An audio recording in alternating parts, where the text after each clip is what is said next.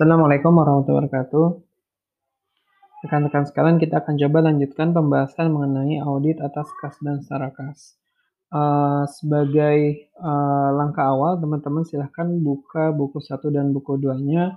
Buku 1 itu tepatnya pada halaman 123, adapun di buku 2 di uh, halaman 84. Baik, uh, pertama di buku 1 halaman 123 mengenai kas besar. Jadi kita mendapatkan informasi selama pemeriksaan.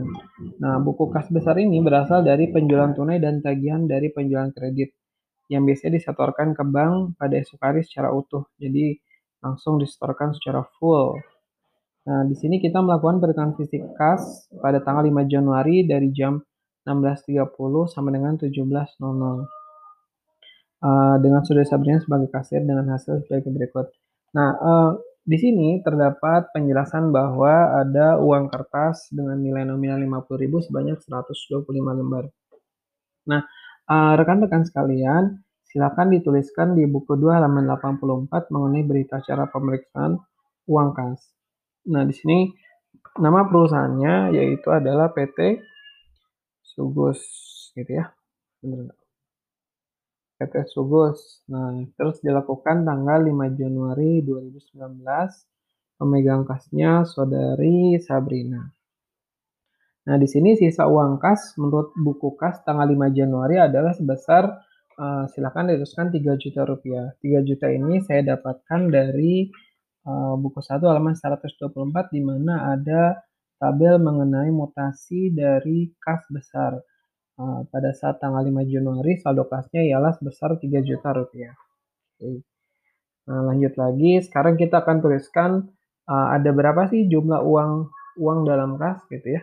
Nah, silakan dituliskan sesuai dengan uh, informasi yang kita dapat pada halaman 123 buku 1 uh, bahwa ada uang kertas dengan nilai nominal 50.000 sebesar 125 lembar.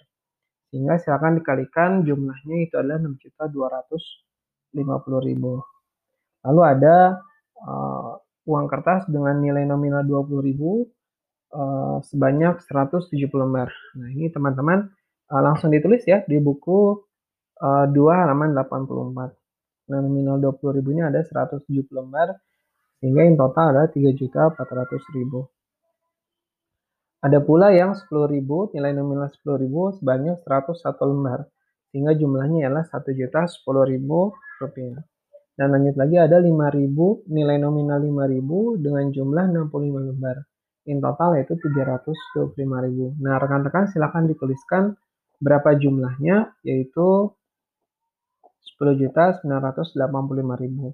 Nah, uh, uh, tanda petik di angka 10 juta 10 juta 985.000 itu adalah uh, tanda tick mark bahwa kita telah melakukan perhitungan. Jadi memang kalau teman-teman nanti mengaudit ketika sudah melakukan perhitungan ke bawah ataupun ke samping nanti akan ada tanda-tanda seperti itu. Itu menunjukkan bahwa perhitungan di atas itu sudah diverifikasi seperti itu. Oke. Nah, lanjut lagi eh, ada uang logam ya, ada uang logam eh, dengan nilai nominal Rp1.000 sebanyak 14 keping. Nah, in total di sini adalah 14.000 dan uh, nilai nominal 500 sebanyak dua keping yaitu in total 1000 rupiah. Oke, okay. dengan jumlah berarti uang logam berapa? Ya betul, 15.000 rupiah. Nah, uh, berapa jumlah uang tunai? Nah, teman-teman silahkan jumlahkan antara jumlah uang kertas 10.985.000 ditambah dengan uang logam yaitu 15.000 sehingga jumlah uang tunainya adalah 11 juta rupiah. Nah, Apakah ada surat berharga yang perlu kita catat? Nah, dari sini uh, tidak ada surat berharga atau ada lain-lain atau bonbon yang belum berpenungan dari informasi yang kita dapat pun uh, tidak ada ya. Oh, di sini ada nih. Di sini ada giro. Nah, silakan teman-teman lihat di buku 1 halaman 123 bahwa ada giro dari langganan yang sudah diterima oleh saudari Patricia tetapi belum disetor ke bank. Nah, uh, berkaitan dengan hal ini, ini sebetulnya ada kaitannya dengan uh, pembahasan modul 2 ya Modul 2 mengenai uh, penjualan dan uh, piutang usaha di mana terdapat hasil gitu ya, hasil konfirm berbeda antara uh, nilai dari piutang usaha gitu kan dengan hasil konfirmasi yang diterima. Nah, teman-teman bisa buka buku satunya halaman 56. Nah, di buku buku satu halaman 56 uh, dia silahkan dibuka dulu. Nah, ini jadi memang uh, yang yang bikin pusing itu biasanya karena bolak-balik gitu ya. Nah, di buku 1 halaman 56 ini teman-teman bisa lihat bahwa ada nomor 2 ya mengenai PT Merdeka menjawab tanggal tanggal 21 Juni sebesar 93 juta. Terus terus terus terus dianggap lunas sebesar 10 juta. Jadi memang kejadiannya ada selisih 10 juta. Di mana dalam hal ini gitu ya, dalam hal ini memang secara secara uh, secara pencatatan dari PT Merdeka dia udah memberikan giro. Tapi pada saat tinggal tanggal pada saat tanggal 31 Desember itu perusahaan belum melakukan pencairan bagaimana kita sepakati di model sebelumnya bahwa dalam hal ini tidak ada jurnal penyesuaian. Sama halnya, sama halnya juga dengan uh, piutang PT Wahana, piutang PT Wahana nomor 7 dan juga piutang atas nama PT Zaira di uh, di halaman 57 nomor uh, 12. Nah, dalam hal ini memang perusahaan telah menerima giro namun belum dilakukan pencairan. Sehingga secara tidak langsung ini tidak mempengaruhi atas nilai dari kas ataupun bank seperti itu. Uh, dalam artian tidak perlu dilakukan jurnal penyesuaian. Oke, kembali lagi di buku 1 halaman 123. Nah, kita buka lembar berikutnya. Nah, di sini uh, kalau kita lihat dari dari uh, berita acara ya, jadi teman-teman uh, di halaman 84 ya, buku 2 halaman 84 itu merupakan berita acara pemeriksaan uang kas. Di mana dalam hal ini kita akan menghitung, ya kan? Kita akan menghitung jumlah fisik dari kas yang dipegang oleh kasir dan dibandingkan dengan laporan yang dibuat, gitu.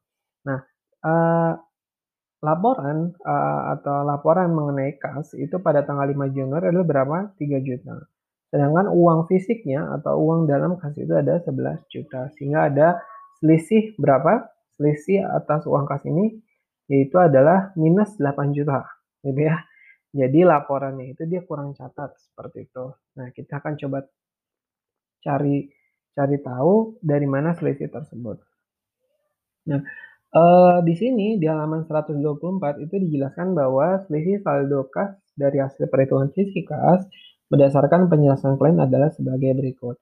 Satu, Selisih 6 juta rupiah merupakan milik PT Pelita, di mana uang tersebut digabung oleh kasir. Yang kedua, selisih 2 juta merupakan uang tagihan dari PT Merdeka tanggal 7 Januari 2019 yang belum dicatat oleh kasir. Uh, jadi rekan-rekan sekalian, uh, jujur saja mengenai informasi ini saya tidak akan merubah ataupun membuat jurnal penyesuaian. Ini kenapa? Karena yang pertama, uh, selisih 6 juta ini merupakan milik PT Pelita. Sehingga uh, dari dari deskripsi yang atau informasi yang dijelaskan dalam uh, buku ini bahwa uang tersebut memang bukan punyanya perusahaan, jadi jatuhnya titipan. Walaupun mau diakui bisa saja, tetapi berarti kita mau adanya utang atas nama PT Pelita itu satu. Uh, saya rasa uh, tidak perlu. Yang kedua, selisih 2 juta merupakan uang tagihan dari PT Merdeka pada tanggal 7 Januari. Nah, ini jadi pertanyaan bersama ya rekan-rekan bagaimana uh, kita ketahui bahwa kapan dia melakukan uh, pemeriksaan kaset tanggal berapa? Ya, tanggal berapa? Tanggal 5. Iya, tanggal 5. Karena tanggal 5 seharusnya uang yang se se setelah tanggal itu kan belum ada, gitu kan? Jadi di sini disebutkan bahwa 2 juta merupakan uang tagihan dari PT Merdeka pada tanggal 7 Januari yang belum dicatat oleh kasir sehingga menjadi sebuah sebuah apa namanya uh, ketidaksinkronan di mana kita uh, cash count tanggal 5 tapi sudah ada uang masuk pas yang uh, uang masuk dari tanggal 7 kan nggak make sense gitu. Jadi dalam hal ini selisih dari kas besar ini uh, di skip gitu ya dalam artian tidak perlu dilakukan jurnal penyesuaian. Baik, uh, ini pembahasan mengenai besar. Silahkan barangkali ada yang mau ditanyakan. Monggo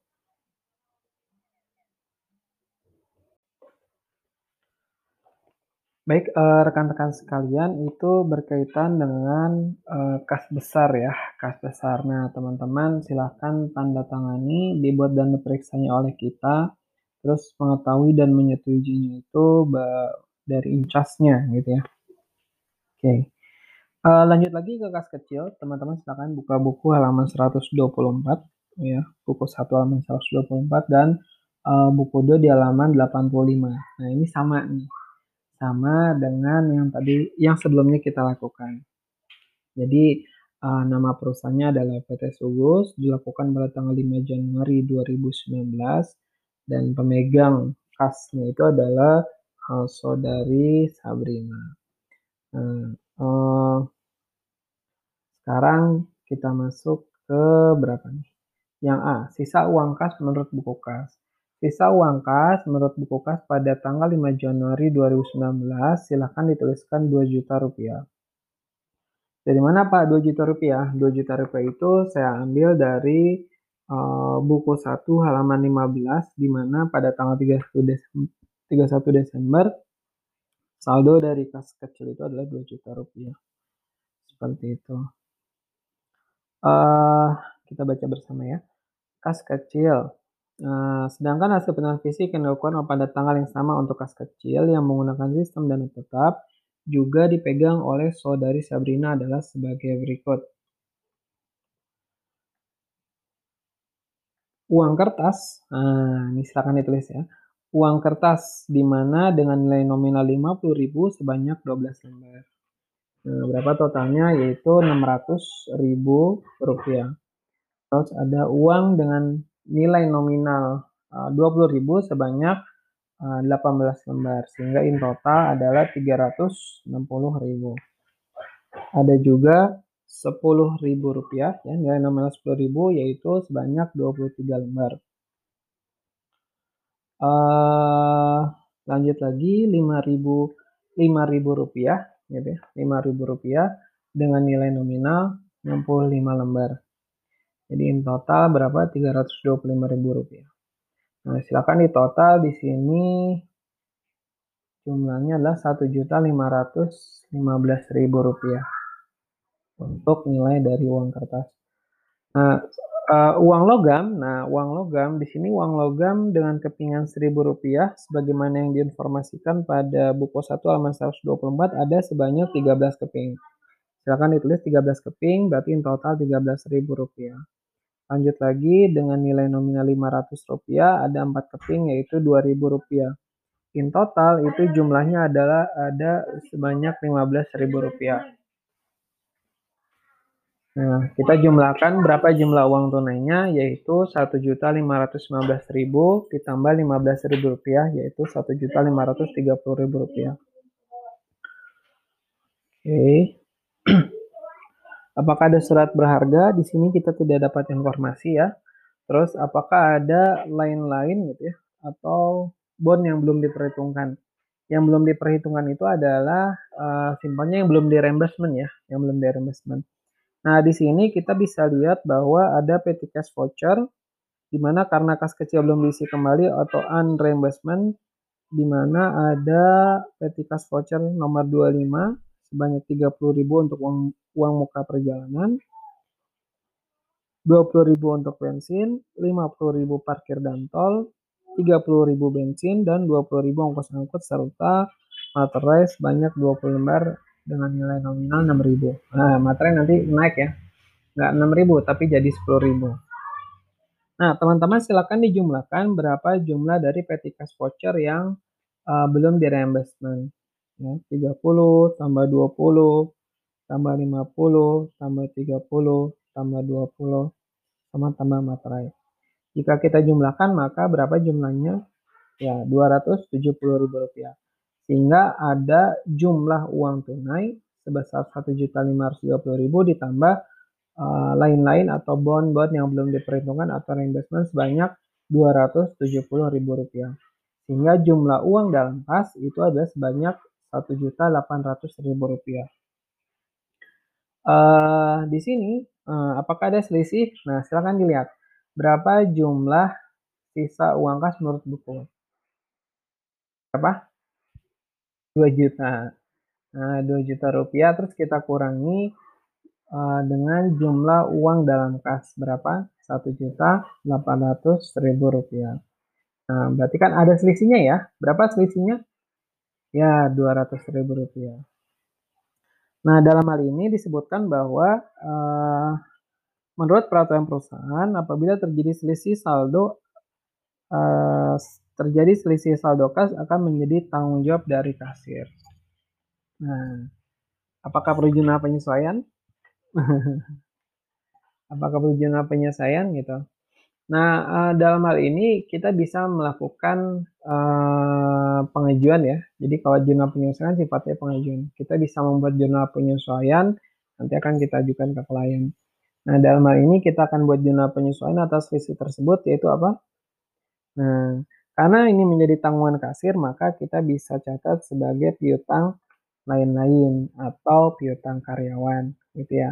Jadi uh, selisih perhitungan kas opnam menjadi piutang karyawan sehingga terdapat jurnal penyesuaian yaitu adalah piutang lain-lain di debit sebesar 200.000 dan di kredit kas kecilnya berkurang ya. Kas kecil di kredit 200.000 rupiah di mana uh, ini merupakan jurnal penyesuaian atas selisih perhitungan kas kecil yang menjadi tanggung jawab karyawan. Monggo barangkali ada yang mau ditanyakan. Baik, uh, lanjut lagi rekan-rekan semua. Uh, Bang, pada bulan Desember 2018, klien mem belum membuat rekonsiliasi bank, sehingga saldo bank per 31 Desember 2018 berdasarkan dari saldo buku bank perusahaan yaitu terlampir. Jadi memang uh, kebetulan kebetulan PT Sugus belum melakukan yang namanya rekonsiliasi. Ya sebenarnya kalau rekonsiliasi itu yang melakukan klien bukan kita, tapi dalam hal ini uh, di dalam hal ini ya modul ini mengarahkan kita untuk membuat yang namanya rekonsiliasi bank. Jadi uh, rekan-rekan sekalian silakan buka buku 1 halaman 126. Nah, ini uh, di halaman 126 ini ini menjelaskan uh, maaf ini me, men, ya menjelaskan mengenai uh, pencatatan buku Bank Lopo ya. Buku Bank Lopo ini yang dicatat oleh perusahaan. Terus di halaman berikutnya ada buku Bank CAB yang yang dicatat oleh perusahaan. Terus di halaman 129 itu ada rekening koran dari Bank CAB dan di halaman 130 ada rekening koran dari PT Subus. uh, Sebelumnya saya kasih filosofi terlebih dahulu terkait dengan rekonsiliasi bank.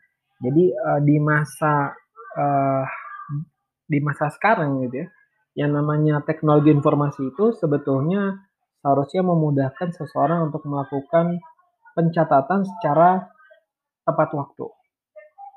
Sama halnya juga dengan bank.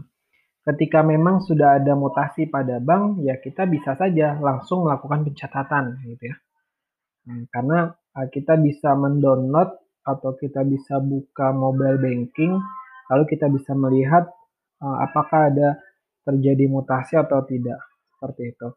Nah, dalam hal ini uh, karena memang anggaplah dengan teknologi yang lebih mudah dibandingkan pada masa lalu, di mana pada masa lalu tidak ada teknologi yang seperti ini, sehingga ada yang namanya rekonsiliasi bank, benar nggak?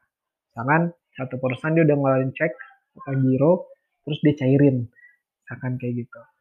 Uh, eh sorry dia udah ngeluarin cek untuk bayar supplier terus sudah dikeluarin. Nah secara pencatatan dia secara secara pencatatan di laporan keuangan perusahaan dia pasti nyatet tuh bank keluar.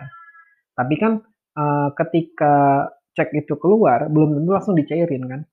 Nah itulah terjadi yang namanya beda waktu antara pencatatan pada perusahaan dengan uh, rekening koran.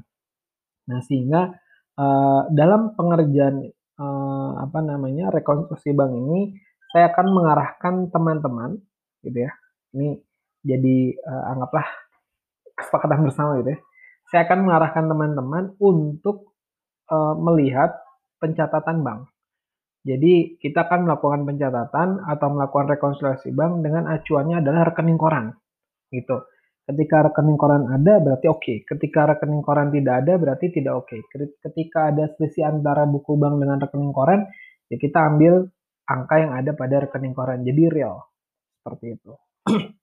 Oke, itu uh, filosofi awal ya. nggak apa-apa, nanti kalau ada yang beda pendapat nggak apa-apa, nanti kita diskusikan. Tapi untuk pengerjaan ini, saya akan mudahkan teman-teman untuk mengerjakannya yaitu dengan um, memberikan acuan pada rekening koran. Nah, teman-teman silakan siap-siap bulak balik. bulak balik buku satunya itu halaman 126 dengan halaman 130. Oke. Okay buku satunya halaman 126 dan 130. Siap-siap ya, bolak-balik. Terus uh, buku duanya, hmm. buku duanya teman-teman bisa menuliskan. Nah ini uh, atas kerja atas rekonsiliasi bank ini di halaman kalau Bang Lopo ini berarti halaman 89. 89. Saya sih ngurut sesuai buku satu aja 80. Apa Bang Lopo jadi di buku duanya halaman uh, 89 yang Bang Lopo. Nah, kalau teman-teman udah ada yang ngerjain di Excel, nah nggak apa-apa dikerjain di Excel aja karena ini nggak space-nya nggak cukup sebetulnya. Space untuk mencatat rekonsiliasi banknya. Oke, okay. uh, teman-teman silahkan lihat, silahkan lihat gitu ya, apakah uh, kita lihat dari tanggal per tanggal gitu ya, apakah ada perbedaan eh, apakah ada perbedaan antara jumlah yang tercatat pada debit gitu kan dan juga pada kredit. Nah, di sini tanggal 5 nah, kita lihat dari buku banknya dulu halaman 100 126 eh, ada setoran clearing gitu ya.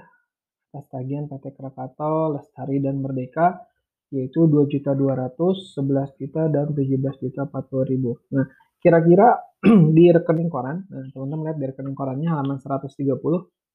Nah, ini jumlahkan dulu ya. 2, 2 juta 200, 11 juta dan 17 juta 40 ribu dijumlahkan dulu. Berapa jumlahnya? Ya, 30 juta 240 ribu. Nah, kira-kira, kira-kira di rekening korannya ada nggak setoran clearing dengan jumlah 30 juta 240 ribu? Nah, kita lihat ya, di rekening koran Bank Lopo halaman 130. Oh, ada nih, Pak. Ada ya, tapi ini dicatatnya dicatatnya di debit. Ya, sama ya. 30 juta 240 ribu. Jadi ini dia ada uang masuk 30 juta 240 eh, ribu rupiah. Nah, sekarang nah, itu udah cocok. Nah, silakan teman-teman checklist ya.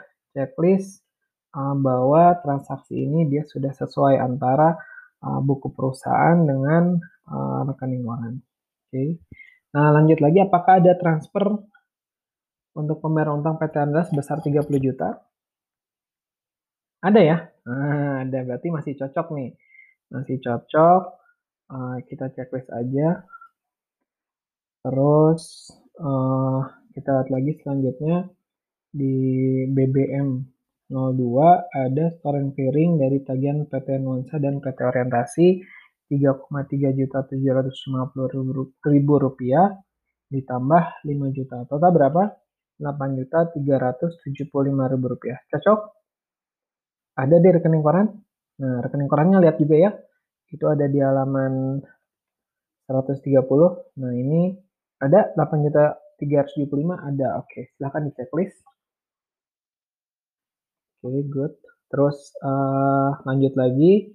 Di sini ada di buku bank ya, 126 halaman 126 ada BBM nomor 3 itu hasil tagihan dari PT Merdeka sebesar 15 juta. Apakah ada? Ada ya? Ada ya? Ada nggak? Ada, itu ada uh, hasil inkaso uh, Bank BCA tanggal 10 Desember ya, 15 juta rupiah. Oke, lanjut lagi. ada, nah ini pindah lagi tanggal 13. Ada transfer untuk pembayaran utang PT Caraka 15 juta. Ada ya, 15 juta ada. Terus transfer untuk pembayaran utang PT Delta 10 juta ada. Ada. Terus tagihan PT Nuansa bilet giro 6.875.000 ada ya, ada. Nah, ini masuk ke tanggal berikutnya, tanggal 14 ya di, di buku bank perusahaan. Ada hasil tagihan dari PT Merdeka. Ini 15 juta. Ada ya? Ada.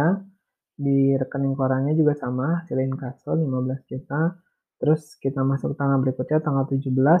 Di sini ada hasil tagihan dari PT Merdeka via transfer Bank CAB. Nah, ini 20 juta. Ada ada ya, tanggal 17 20 juta. Terus di sini ada pembayaran utang PT Elang nah, dengan bilet giro nomor 1564 jatuh temponya tanggal 27 Desember 2018. Nah, dalam hal ini perusahaan bayar utang nih 2 juta pakai bilet giro. Nah, sekarang apakah ada di mutasi rekening koran? Coba diperhatikan pembayaran sebesar 2 juta untuk PT Elang ada? Nggak ada ya? Nggak ada. Bener ya? Nggak ada ya? 2 juta nggak ada ya? Yang dikredit nggak ada ya? Nah, karena nggak ada, nah berarti dalam hal ini kita perlu melakukan yang namanya rekonsiliasi. Nah, sehingga dalam hal ini teman-teman bisa mencatat, nah dia kan ceritanya bayar nih. Jadi uangnya, uh, banknya berkurang. Nah, karena nggak jadi bayar, nggak jadi di di debit istilahnya ya, dikurangi uangnya, berarti kita tambahkan lagi kan secara pencatatan perusahaan. Nah, sehingga dalam uh, kertas kerja rekonsiliasi uh, kejadian seperti ini akan menambah nilai dari buku bank.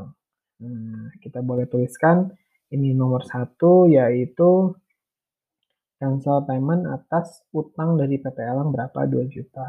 Oke. Nah, teman-teman silakan tuh tulis ya di buku 2 halaman 89. Kalau sudah kalau sudah ada yang di Excel, nah itu lebih bagus pakai Excel. Jadi lebih mudah dan bisa dibuat otomatis otomatis rumus juga gitu kan. Seperti itu. Oke. Nah, lanjut lagi. Kita akan coba lihat. Nah, ada tanggal 21 ada store and clearing atas agen PT Pelita dan PT Rimba. 4.400 dan 3.600. Ini dijumlah dulu. Kalau kita jumlahkan 8 juta. Ada nggak store and clearing 8 juta rupiah tanggal 21? Ada ya? Ada. Oke. Terus dia di sini ada lagi pembayaran utang PT Caraka. Nah, bilet giro nomor 1565 jatuh tempo tanggal 28 Desember senilai 5.500.000 rupiah. Apakah sudah ada di rekening korannya? Belum ada ya, belum ada. Nah, karena belum ada ini, maka sama dengan uh, cerita yang PT Elang tadi bahwa uh, selisih ini, karena dia selisih, kita akan masukkan ke dalam rekonsiliasi bank. Dalam hal ini menambah nilai dari buku bank. Kita tulis saja nomor 2, cancel payment, nah, karena dia bayar utang tapi nggak jadi ya, karena belum di, dicairin ya. Jadi ada cancel payment utang PT Caraka. Berapa nilainya? 5.500.000 rupiah. Oke. Nah, lanjut lagi tanggal 26 di sini ada clearing tagihan PT Nuansa bilet giro uh, senilai Rp37.500.000 rupiah. Nah, kita lihat apakah ada transaksi yang sama. Ada. Nah, kalau kita perhatikan bahwa di rekening koran ini dia uh, tanggal 24 memang ada Setoran clearing nilainya Rp3.750.000 rupiah. Jadi di sini saya mengasumsikan bahwa uang yang masuk itu sebetulnya Rp3.750.000 rupiah, tapi karena ada typo, typo, jadi dan nulisnya adalah Rp37.500.000 rupiah. Gitu. Jadi uang masuknya cuma 3,7 juta, dia tulis 37 juta. Jadi nolnya kelebihan satu. Seperti itu. Sehingga dalam ini kita lihat selisihnya berapa. Uh, nah, selisihnya inilah yang akan kita masukkan ke dalam rekonsiliasi bank. Nah, kita cari selisihnya dulu 37.500.000 rupiah dikurangi 3.750.000 rupiah. Berapa? Ya, 33.750.000 rupiah. Nah, dalam hal ini berarti dia mengurangi, mengurangi dari nilai buku bank. Kenapa? Karena uang yang masuk Rp3.750.000 tapi dicatatnya Rp37.500.000. Sehingga kita kurangi sebesar selisihnya ya. Silakan dicatat di rekonsiliasi banknya uh, apa namanya? Nomor 3 salah catat pembayaran uh, piutang dari PT Nuansa sebesar Rp33.750.000. Oh ya maaf kelewat. Jadi uh, nomor 1, 2, dan 3 tadi itu langsung kita buatkan jurnal. ya Langsung kita buatkan jurnal. Nah ini sini uh, teman-teman uh, bisa lihat bahwa nomor satu ini karena ada cancel payment atas uh, utang dari PT Elang, maka sehingga kita buat jurnal yaitu Bank Lopo karena dia nambah nilai dari bank ya. Bank Lopo pada utang usaha Elang sebesar 2 juta rupiah. Nah, nomor 2 ada cancel payment utang PT PT Caraka sebesar 5.500.000 rupiah sehingga di sini nilai banknya bertambah nilai banknya bertambah Rp5.500.000 dan utang usahanya pun bertambah Rp5.500.000. Jadi jurnalnya bank pada utang usaha PT Caraka sebesar Rp5.500.000. Lanjut yang nomor tiga, nah karena ada salah catat pembayaran salah catat pembayaran PT uh, eh, piutang PT Nuansa uh, ini 33.750.000 Nah, di sini kita buatkan jurnal penyesuaiannya, yaitu adalah piutang PT Nuansa pada uh, kreditnya Bank Lopo sebesar Rp33.750.000. Oke, maaf uh, sedikit terlewat tadi ya.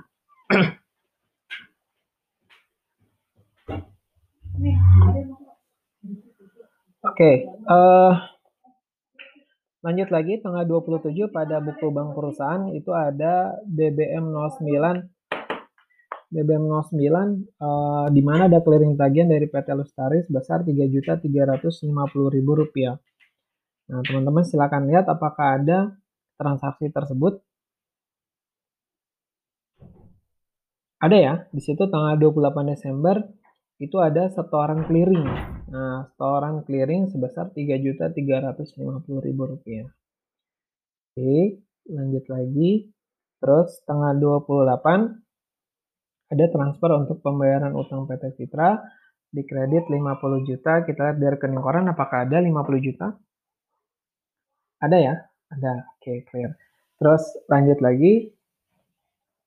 Hasil tagihan dari PT Nuansa via transfer Bank CAB sebesar 15 juta rupiah. Di rekening koran apakah ada? Ada ya. Ada hasil inkaso BCA BJS sebesar 15 juta rupiah ada sama. Terus ada juga transfer untuk pembayaran utang PT Hero sebesar 15 juta. Nah, di situ ada tarikan pemindahan 15 juta di rekening koran. Ada ya, sama ya. Nah, terakhir di buku bank kita lihat ada setoran tunai dari kas besar. Nah, setoran tunai dari kas besar sebesar 2 juta rupiah. Oke, apakah ada di rekening koran? Ada? Nggak ada ya? Jadi tanggal 28 tidak ada transaksi sebesar 2 juta. Dan ini udah full nih. Sampai 31 nggak ada, nggak ada transaksi lagi.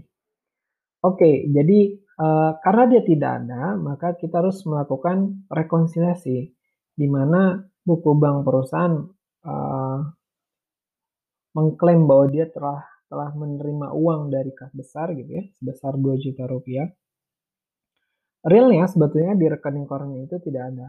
Sehingga dalam hal ini uh, nilai dari bank ini dia yang tercatat pada laporan keuangan ya, nilai bank yang tercatat pada laporan keuangan dia uh, overstate. Uh, overstate. Jadi lebih catat. Uh, harusnya nggak ada uang masuk, tapi dia catat uang masuk 2 juta. Sehingga dalam ini kita tuliskan terlebih dahulu bahwa uh, di rekonsil bank ini kita kurangi nilai dari buku bank ya, catat ini nomor 4. Ada salah catat setor dari kas besar, besar 2 juta rupiah. Nah, apa jurnalnya? Nah, jadi prinsipnya ketika ada uh, anggaplah poin yang berkaitan pada rekonsiliasi bank gitu ya, itu kita buat jurnal penyesuaian. Apa jurnal penyesuaiannya? Ya, kita balikan saja. Karena dia asumsinya uh, bank bertambah, kas berkurang, kita jurnal balik. Jadi kita buat jurnalnya itu adalah kas besar yang bertambah 2 juta, gitu kan. Dan uh, di kreditnya Bank Lopo, uh, Bank Lopo yang berkurang karena di overset kita kurangi sebesar 2 juta rupiah. Oke, seperti itu. Jadi kas pada Bank Lopo sebesar 2 juta uh, rupiah di kredit. Oke, okay. tadi kita sudah melihat dari sisi buku bank perusahaan. Sekarang kita balik, nah, kita balik. Nah, teman-teman uh, pastikan yang tadi sudah dicek gitu ya antara buku bank dengan rekening koran tuh dua-duanya di checklist tuh. Di halaman 126 di checklist, di halaman 130 uh, pun di checklist. Gitu ya. Jadi ntar ketahuan nih mana yang belum. Nah, di sini kalau teman-teman checklist, maka kita akan langsung bisa melihat bahwa terdapat pencatatan yang belum uh, apa namanya, yang belum yang belum dilakukan oleh perusahaan. Oke, kita lihat ya. pertama, uh, nggak nggak pertama sih, ini yang yang pertama di sini maksudnya. Nanti nomornya sesuai dengan di rekonsiliasi bank dia nomor berapa tuh. Oke. Uh, pertama ini tanggal 24 Desember itu ada biaya cek atau giro ya. Biaya cek atau giro sebesar Rp18.000. Nah, dalam hal ini kita bisa catat nih bahwa ada biaya administrasi yang belum tercatat ya, 18.000. Karena di banknya udah di buku banknya udah pasti nggak ada. Terus ada juga jasa giro ya jasa giro 75.226 ini uh, sudah diterima oleh bank gitu ya, uh, dicatat dalam rekening koran maksudnya, tapi belum dicatat pada pelaporan perusahaan. Nah, ini bisa di kita tambahkan. Terus tanggal 27 ada biaya administrasi sebesar Rp5.000. Nah, ini di sini berarti ada pengurangan ya, pengurangan di rekonsiliasi bank dalam hal ini kita bisa jumlahkan saja yang lima, yang 18.000 dengan 5.000. Sehingga uh, kita bisa catat nomor 5 ada uh, pengurangan atas biaya, biaya administrasi bank sebesar 23.000. Ini jurnalnya mudah sekali yaitu biaya administrasi pada bank. Terus ada penambahan dari pendapatan bunga ya atau jasa giro sebesar 75.226. Ini teman-teman Silahkan catat di rekonsiliasi bank nomor 6 ya, pendapatan bunga 75.226. Apa jurnalnya? Jurnalnya yaitu Bank Lopo di debit sebesar 75.226 dan di kredit yaitu pendapatan bunga 75.226. Oke. Sekarang kita scroll lagi ke bawah ya di rekening korannya. Nah, di rekening koran disebutkan bahwa terdapat tolakan clearing tanggal 28 Desember. Tolakan clearing ini nilainya adalah 3.350.000. Nah, dalam hal ini di buku bank perusahaan itu tidak ada pencatatan itu. Sehingga dalam hal ini nilai nilai yang tercatat pada buku bank itu dia lebih catat karena dia belum mencatat yang namanya pengurangan ini, gitu kan. Nah, dalam hal ini berarti otomatis kita bisa uh, langsung masukkan dalam rekonsiliasi bank itu pengurangan dari nilai buku bank perusahaan. Nah, di sini kita tulis saja tolakan clearing sebesar Rp3.350.000. Nah, cuma ini memang jadi pertanyaan besar dari tahun lalu bahwa ini tolakan clearingnya siapa? tolakan clearingnya siapa gitu kan? Karena uh, nggak ada informasi siapa namanya gitu. Ya. Tapi dalam hal ini uh, saya melihat di atas itu bahwa ada setoran clearing uh, tanggal 28 Desember itu atas nama uh, PT Lestari ya, nilainya sama sama. PT Lestari 3.350.000. Nah, sehingga uh, saya kasih jurnal tembak aja. Uh, ini uh, ada uh, tolakan clearing dari PT Lestari. Gitu PT Lestari itu udah ngasih cek tapi ternyata nggak laku anggaplah seperti itu gitu ya. Ini maaf nih ini ilustrasi aja ya karena biar biar sesuai. Jadi kita catat ini ada tolakan clearing PT Lestari sebesar 3.350.000 sehingga kita bisa buat jurnal penyesuaiannya ya. Uh, di mana piutang usaha PT Lestari itu bertambah atau kita catat di debit sebesar 3.350.000 pada Bank Lopo. Nah, bank, banknya kan di overset, jadi dia di kredit ya habis catat kita tulis di kredit untuk jurnal penyesuaiannya sebesar Rp3.350.000. Oke, di mana jurnal ini merupakan jurnal penyesuaian atas tolakan kering dari PT Lestari. Ya baik, uh, rekan-rekan sekalian, uh, itu kita sudah coba buat rekonsiliasi banknya. Sekarang kita coba lihat dari catatan teman-teman di kertas kerja rekonsiliasi bank. Uh, dari saldo menurut pembukuan, kita lakukan penambahan dari hasil rekonsiliasi, ya. Terus kita kurangi dari hasil rekonsiliasi juga, maka kita akan dapatkan jumlah uh, jumlah dari uh, buku bank ya, nantinya pada laporan koinnya adalah sebesar Rp5.092.640. Ya, baik uh, rekan-rekan sekalian, uh, saya rasa ini harusnya banyak pertanyaan ya. harusnya banyak pertanyaan, silahkan barangkali ada yang mau ditanyakan, monggo kita buka sesi tanya jawab untuk rekonsiliasi bank atau audit atas bank Lopo. Bagaimana? Sudah pusing? Sabar ya. Jadi memang pembahasan rekonsiliasi bank ini ah, bisa bilang cukup lama dibandingkan pembahasan ini. Tapi nggak apa-apa, kita nikmati saja. Baik, uh, lanjut kawan-kawan. Tadi kita sudah bahas mengenai Bank, CA, Bank Lopo. Kita lanjut ke Bank CAB. Jadi Bank CAB ini teman-teman bisa buka buku halaman 128 dan 129. Nah ini enak nih bukunya kita tinggal lihat kiri lihat kanan ya nggak perlu buka kayak tadi bolak balik bolak balik ini nggak perlu oke nah adapun di buku 2 teman-teman silahkan uh, nanti dicatat di halaman uh, berapa ini? Uh, 60 87 ya. Kalau udah ada Excel silahkan di Excel karena memang di buku pastinya nggak akan cukup. Eh, rekan-rekan uh, sekalian, sekarang kita akan lihat dari dari buku bank dulu ya, kayak biasa dari buku bank perusahaan baru kita bandingkan ke uh, rekening koran. Di sini disebutkan bahwa tanggal 3 Desember itu ada pembayaran utang dari PT apa? Eh, pembayaran utang kepada apa? PT Berkat ya. PT Berkat. Di sini disebutkan bahwa nilainya itu adalah 101 juta 100 juta 110 ribu. Nah, 100 juta seratus sepuluh ribu. Nah sekarang kita lihat di rekening koran. Nah di rekening koran ternyata oh ternyata gitu kan itu adalah uh, tarikan clearingnya adalah seratus satu juta seratus ribu. Nah beda lagi kan? beda lagi. Nah sehingga dalam hal ini uh, sudah pasti ada yang namanya rekonsiliasi bank. Nah, ini ini mengurangi atau menambah menambah bank. Ayo mengurangi atau menambah. Nah, selisihnya dulu kita lihat ya, selisihnya dulu. Di buku bank dicatat 100 juta 110 ribu, di rekening koran yang berkurang adalah 101 juta 100 ribu. Jadi ada salah catat nih, harusnya 101 juta 100 ribu, tapi ini 100 juta 110 ribu. Selisihnya berapa? 990 ribu ya si klien ini kurang catat kayaknya sih ini typo lagi gitu ya.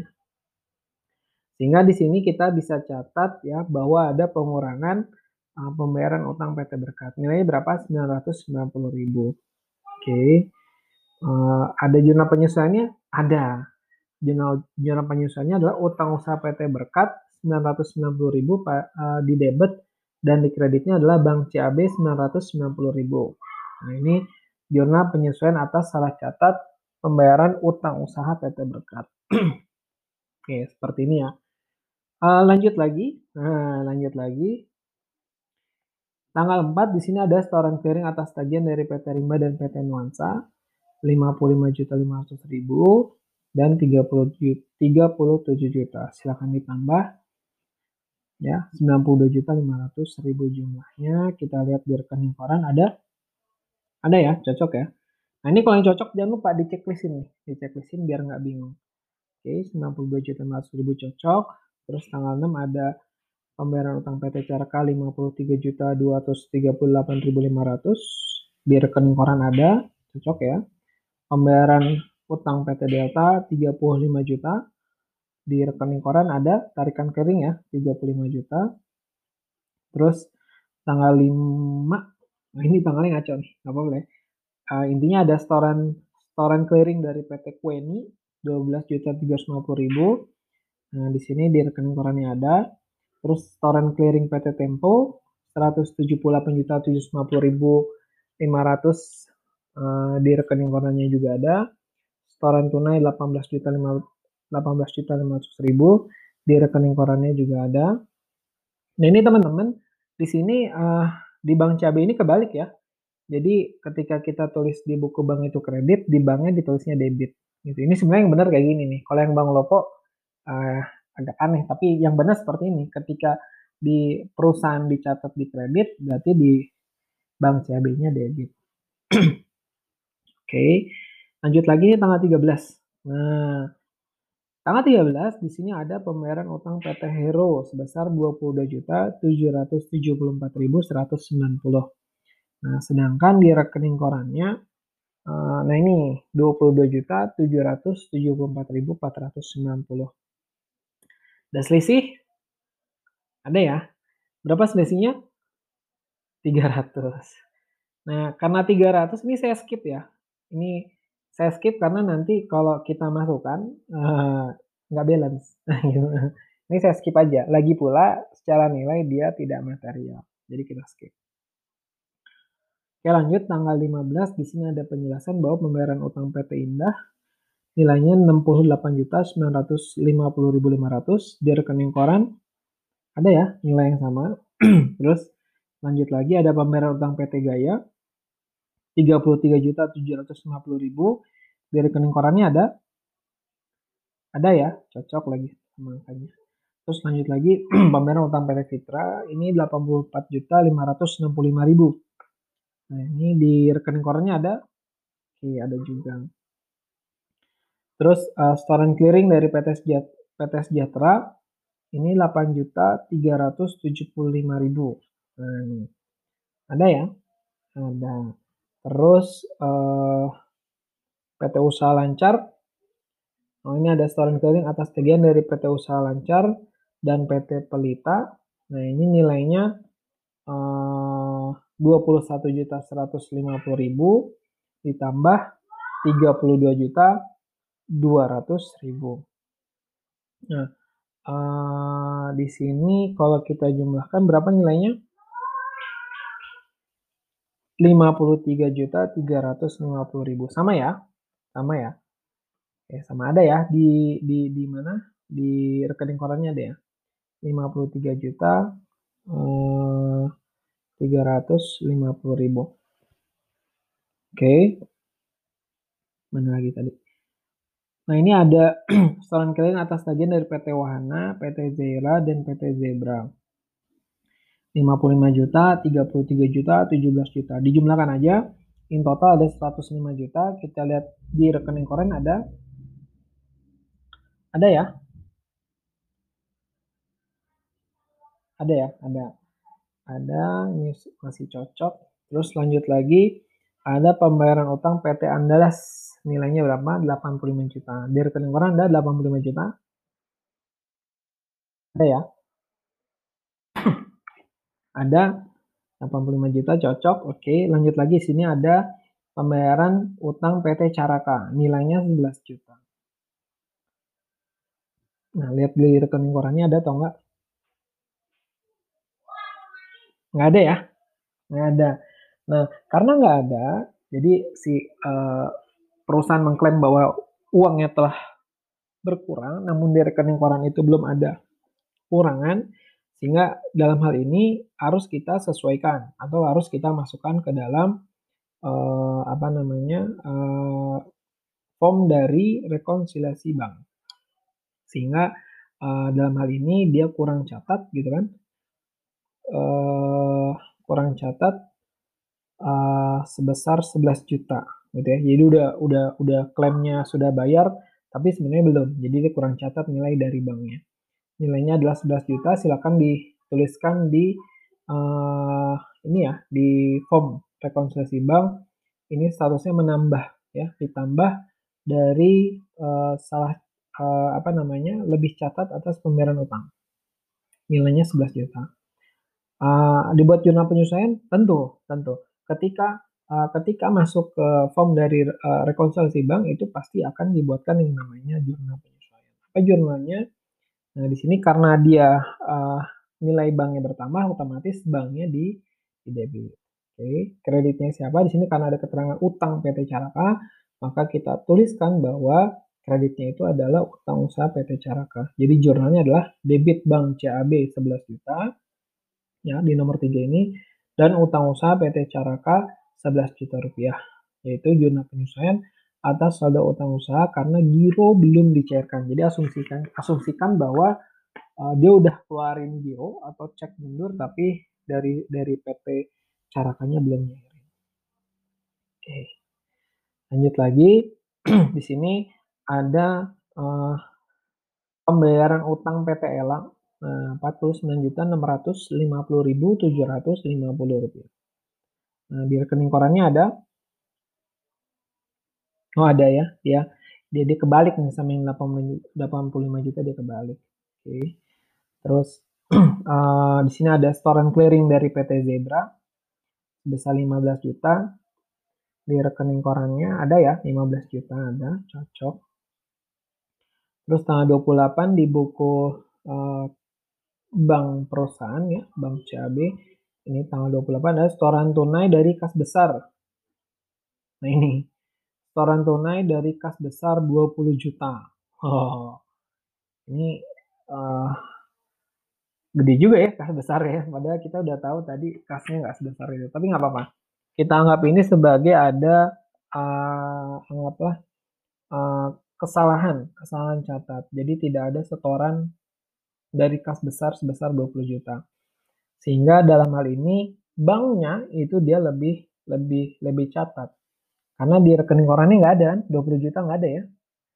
Oke, karena nggak ada berarti di rekonsiliasi bank kita kurangi kita kurangi ada uh, ada salah catat setoran tunai dari kas besar nilainya adalah 20 juta. Oke, di nomor 4. Pak jurnalnya, tinggal kita balik ya. Uh, karena keterangannya kas besar, maka kas besarnya kita tulis di debit 20 juta, pada bank CAB 20 juta, yaitu jurnal penyesuaian atas salah catat setoran dari kas besar. Oke, seperti itu. Lanjut lagi, uh, pembayaran hutang PT Berkat uh, 18 juta 567 ribu di rekening koran ada? Oke, ada. Terus pembayaran hutang PT Caraka 37 juta 500 ribu di rekening koran ada atau tidak? Ada. Oke, itu sudah cocok. Nah, dari sisi buku bank kita sudah sesuaikan dengan rekening koran. Kita tinggal lihat apakah dari rekening koran apakah semuanya sudah sesuai atau enggak. Nah, kalau tadi teman-teman checklist, ya jangan lupa di checklist ya. di checklist. Berarti masih ada beberapa catatan atau sorry, beberapa mutasi yang ada di rekening koran tapi belum tercatat pada uh, buku bank perusahaan. Nah, di sini kita bisa lihat yang belum di checklist itu adalah tanggal 14 Desember. Di sini ada uh, uang masuk ya. Kredit uang masuk dari PT Lestari sebesar 10.600.000. Nah, berarti di sini uang masuk, kalau uang masuk berarti menambah ya. Menambah gitu kan, menambah uh, dari nilai buku bank. Nah, silakan catat di rekonsiliasi banknya. Nomor 5 ada kurang catat pembayaran piutang dari PT Lestari. Nilainya berapa? 10.600.000 rupiah. Oke. 10.600.000 rupiah.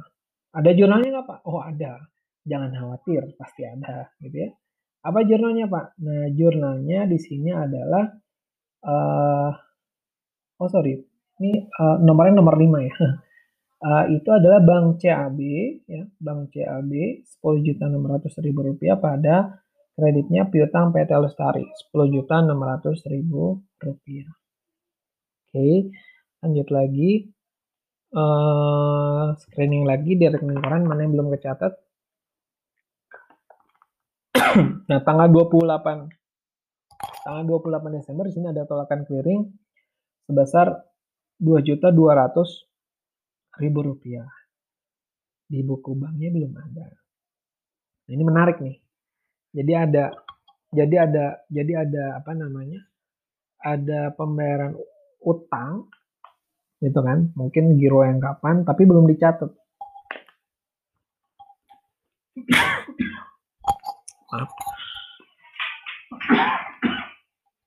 belum dicatat. Nah, sehingga dalam hal ini uh, kita kita masukkan dulu di rekonsiliasi bank ada uh, pengurangan ya, ada pengurangan atau tolakan clearing uh, kita tulis nomor 6 tolakan clearing sebesar rp rupiah. Ada jurnalnya? Ada. Jangan khawatir, pasti ada. Cuma yang saya khawatirkan, ini nggak ada keterangan lagi. saya bingung nih, sebenarnya bingung dalam artian ini clearing clearingnya siapa atau utang ke siapa. Sementara nggak ada, ini kita kita sesuaikan dulu saja dengan mencatat biaya lain-lain ya. Teman-teman bisa catat biaya lain-lain pada Bank CAB sebesar Rp2.200.000. Ya, di sini keterangannya jurnal penyesuaian atas kurang catat tolakan clearing pada rekening koran. Gitu. Oke. Lanjut lagi. Apalagi yang belum catat sama perusahaan? Ya. Jasa giro.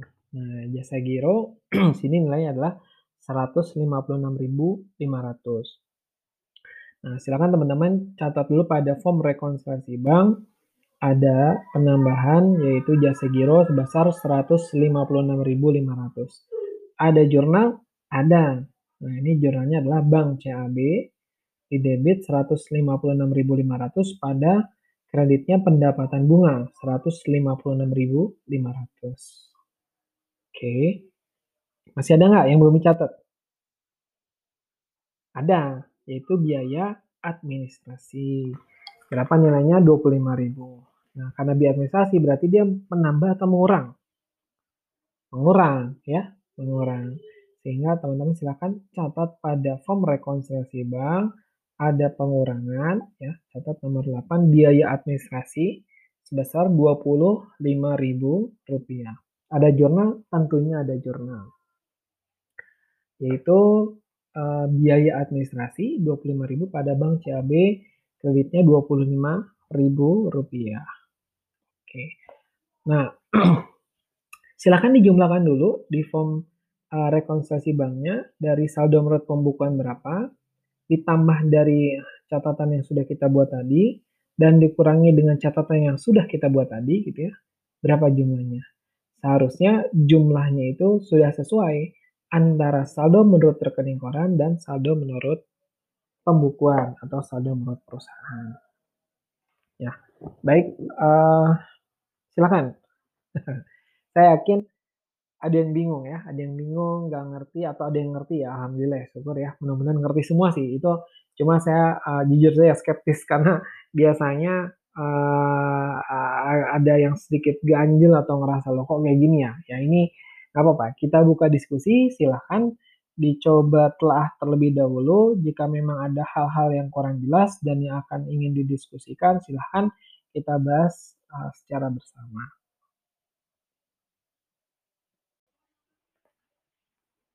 Ya, kita lanjutkan pembahasan mengenai investasi pada saham. Nah, teman-teman, di buku 1 halaman 125 ini uh, kita akan mendapatkan informasi mengenai investasi pada saham.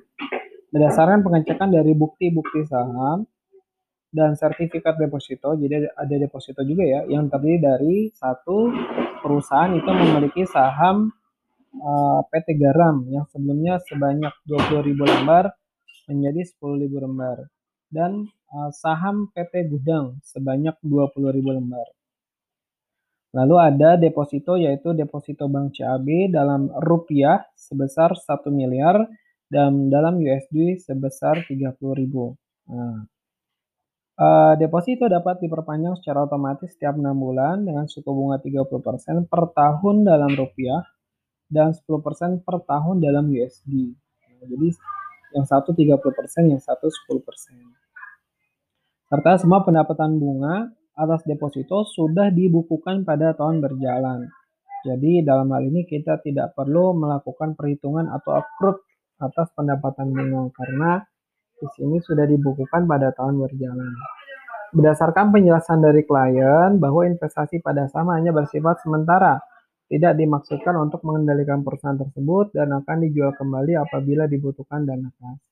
Jadi dalam hal ini investasi ini masuk ke dalam setara kas. Kenapa? Karena uh, investasi ini hanya bersifat sementara. Jadi tidak bermaksud untuk mengendalikan perusahaan. Nah, jadi beda dengan penyertaan saham yang ada pada akun investasi ya, investasi yang terpisah maksudnya bukan di secara kas. Kalau investasi pada akun yang terpisah dia ada niatan untuk mengendalikan mengendalikan perusahaan, tapi dalam hal ini uh, pembelian saham atau kepemilikan saham pada PT Garam dan PT Gudang itu hanya dimaksudkan untuk dijual kembali. Jadi saya nunggu harga naik baru diantar jual kembali. Gitu. Uh, sistem penilaian investasi saham dinyatakan dengan nilai wajar saham tersebut. Jadi uh, di, dinyatakan dengan nilai wajar atau ya berapa sih harga sahamnya gitu kan. Nah, di sini kita dapat informasi bahwa harga saham pada tanggal 31 Desember 2018 adalah Rp10.200 per lembar untuk saham PT Garam dan Rp8.375 per lembar untuk saham PT Gudang. Adapun kurs dolar yang ditetapkan oleh Bank Indonesia pada tanggal 31 Desember 2018 adalah sebesar Rp15.000. Uh, baik teman-teman, uh, kita akan coba uh, runut atau catat terlebih dahulu poin-poin pentingnya. Nah, di sini uh, deposito dan investasi saham ya. Di sini klien menyimpan deposito pada bank sebesar 1 miliar rupiah dan 30 ribu US dollar. Deposito tersebut mempunyai jangka waktu 6 bulan. Bunga deposito adalah 30% dalam rupiah dan 10% dalam dolar. Nah, di sini dia ARO atau automatic rollover ya. Ada yang tahu ARO itu apa? Nah, dia diperpanjang secara otomatis. Jadi ketika dia uh, ketika dia sudah jatuh tempo, maka akan uh, tetap tercatat sebagai deposito dan terus dihitung bunga uh, yang yang didapat sesuai dengan persentasenya. Oke, terus nilai kursnya adalah Rp15.000. Nah, di sini teman-teman bisa lihat bahwa di buku 1 halaman 123, nah di sini uh, perusahaan gitu ya, perusahaan dia mempunyai uh, rincian atau mutasi dari deposito berjangka di mana saldo awalnya pada tahun sebelumnya itu adalah 1 miliar. Ini buku satu ya, buku satu halaman 123 tabel deposito berjangka. Lalu uh, di tanggal 1 November 2018 gitu kan. Nah, di sini dia ada deposito uh, 30.000 US dollar dengan tarif bunganya 10% berapa yang totalnya? Uh, 450 juta gitu. Uh, ini secara laporan keuangan ya secara pencatatan dari perusahaan. Nah di sini ada pun saldo klien berdasarkan kurs tengah BI nah sekarang kita bandingkan antara kurs tengah BI yaitu depositonya berapa? 30.000 ya tetap. Kurs tengah BI tanggal 31 Desember berapa? 15.000 rupiah. Berarti berapa nilai dari depositonya tinggal kita kalikan yaitu eh, yaitu sebesar 450 juta rupiah. Sehingga apakah ada selisih? Nah, kita bandingkan. Kita bandingkan uh, antara pencatatan dari perusahaan dengan uh, saldo per 31 Desember 2018, 2018 berdasarkan kurs tengah BI ya. Di lapangan keuangan itu adalah 450 juta, gitu kan? Perhitungan audit atau berdasarkan kurs tengah 450 juta. Sehingga ada selisih tidak ada. Nah, karena tidak ada, nah rupiah pun tidak ada, sehingga dalam hal ini deposito dia tidak saldo saldo yang disajikan itu uh, telah uh, maaf deposito yang tercatat pada laporan keuangan telah disajikan secara wajar gitu ya sudah sesuai. Oke itu deposito. Kira-kira bagaimana dengan investasi? Nah kita akan lihat investasi Nah, teman-teman sebelumnya dilihat dulu di buku 1 halaman 123. Di sini ya, di sini pada tanggal 31 Desember 2017 itu ada saldo awalnya sebesar 200 juta rupiah. Lalu tanggal 5 September ada pembelian 20 20 ribu lembar sampai teh gudang sebesar 170 juta rupiah.